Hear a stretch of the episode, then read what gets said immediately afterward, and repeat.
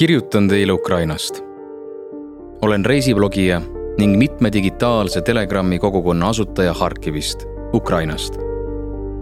Levila jaoks pean päevikut elust sõja ajal. lubamatu luksus.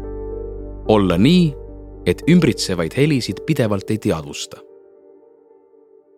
raske on ette kujutada ukrainlast, kellel ei oleks praegu sõjas mõni sugulane, sõber või tuttav sõda puudutab sõna otseses mõttes igaüht meist.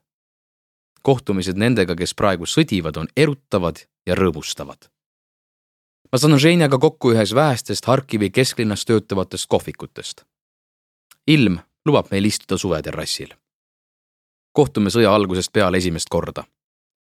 tundub ebareaalne, et inimesega, kellega varem trehvasime baarides ja elektroonilise muusika klubides, vestleme nüüd sõjast Žene töötas IT-vallas, oli multidistsiplinaarne disainer ega uskunud kuni viimase hetkeni sõja võimalikkusse. maksimaalne sündmuste areng, mida ta ette kujutas, oli see, et Venemaa viib Donetski ja Luganski oblastis okupeeritud aladele ametlikult väed sisse. suurem osa inimesi neis arvavad samamoodi. võimalust, et keegi päästab kahe tuhande kahekümne teisel aastal Euroopa südames valla täiemahulise sõja, pidas terve mõistus nonsensiks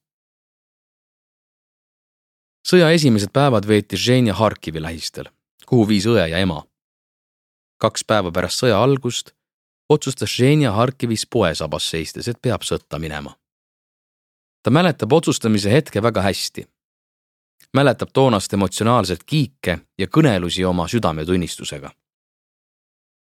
kaks päeva jooksid mõtted, ma ei ole ju kutseline sõdur ja ma pean kohe sõtta minema vahel peamiseks tõukeks sai siiski armastus kodulinna vastu.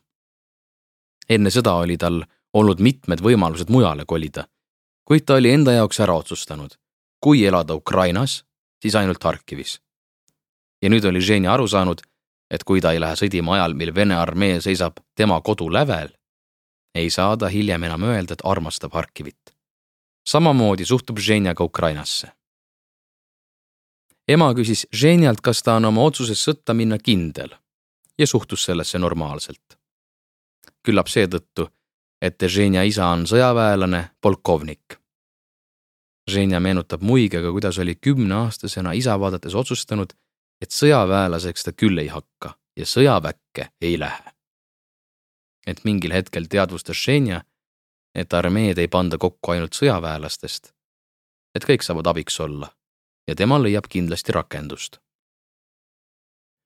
sõjakomissariaadid olid Harkivis suletud, mistõttu otsustas Ženja minna vabatahtlikku väkke.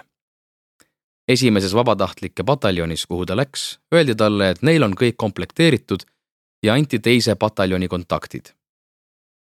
seal küsiti Ženjalt esimese asjana lahingukogemust, mida tal mõistagi polnud. kuid see-eest oli ta motiveeritud ja füüsiliselt heas vormis Žene leidis kodust vanad matkasaapad, mida oli ainult kaks korda kandnud, ent mis nüüd kulusid marjaks ära. vabatahtlikele oli selga anda ainult suvine vorm, aga ilmad olid kuni aprillini päris külmad. Žene ajas vormi oma riiete otsa ja käis niimoodi kolm päeva, riideid vahetamata.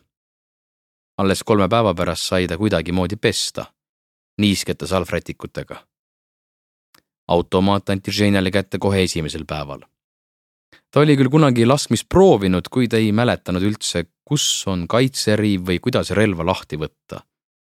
seepärast otsis ta kohe inimese, kes teadis, kuidas automaati õigesti lahti võtta ja kokku panna. kus seal miski on ning kes õpetas Ženjat õhtu otsa, kuni veendus, et Ženjal on asi selge. märtsi algul kulges eesliin veel ringteed mööda ning kui Vene armee peale tungis, satuti kohe linna ja vabatahtlike pataljon, millega Ženia oli liitunud, kohtus vaenlasega esimeste seas. esimesel positsioonil, kus Ženia asus kolm nädalat, käis pidev lahingutegevus. see koht oli ööd ja päevad tule all. Ženia ütleb, et isegi lakkamatu tulistamisega on võimalik ära harjuda. mingil hetkel tuleb appi huumor. Ženia meenutab, kuidas see nende salk istus kord ühe maja teisel korrusel ja soojendas ennast teega, kui kuskil päris lähedal hakkas tulistama tank. suurtükitule ajal läksid nad tavaliselt allkorrusele, sest suurtükimürsud lendavad kõrgemalt ja alumisel korrusel on mingigi šantsello jääda. Ženja oli oma poiste käest küsinud, noh, kas lähme alla? mis peale talle vastati, see on ju tank. kui tabab, siis pühib nii esimese kui teise korruse koos majaga minema. selline hirmus, kuid tõene sõjahuumor. Ženja võrdleb seda Ameerika mägedega, kus mõned naeravad. see on organismi kaitsereaktsioon ülimale stressile. huumor aitab, viib mõtted kurvalt finaalilt eemale Need kolm nädalat andsid karastuse ja rahu. rahupaanika, mitte hirmu puudumise mõttes. sest paanika on peamine vaenlane. hirm on rindel täiesti normaalne. Kardavad nii uustulnukad kui ka vanad kalad. palju hirmsam on, kui inimene lakkab kartmast. juunis hakkas Ženja tabama end mõttelt, et tal on posttraumaatiline stressihäire. paljud harkivlased olid juba linna tagasi tulnud ning Ženjat jahmatas, et rindest paarikümneminutilise sõidu kaugusel käivad kesklinnas noored kaldapealsel jalutamas ning üldse on suur suvi käes. augustis käis Ženja korraks Kiievis ning tunnistab, et tal oli linnas raske olla. juba esimesel päeval oleks ta tahtnud tagasi sõita. Ženja oli võõrdunud sellest, et linnas võib olla nii rahvarohke et inimesed kogunevad kartmatult suurtesse kampadesse, et müüakse alkoholi ja lõbutsetakse. ja see on lubamatu luksus. olla nii, et sa ümbritsevaid helisid pidevalt ei teadvusta. tajudes tohutut erinevust kahe suurlinna, Harkivi ja Kiievi elu vahel, tunneb Ženja jõuetust ja valu, et ei suuda üksinda oma linna rakettide eest kaitsta. kuid iga päev panustab ta koos paljude teistega ühise eesmärgi nimel võidu lähemale toomisse.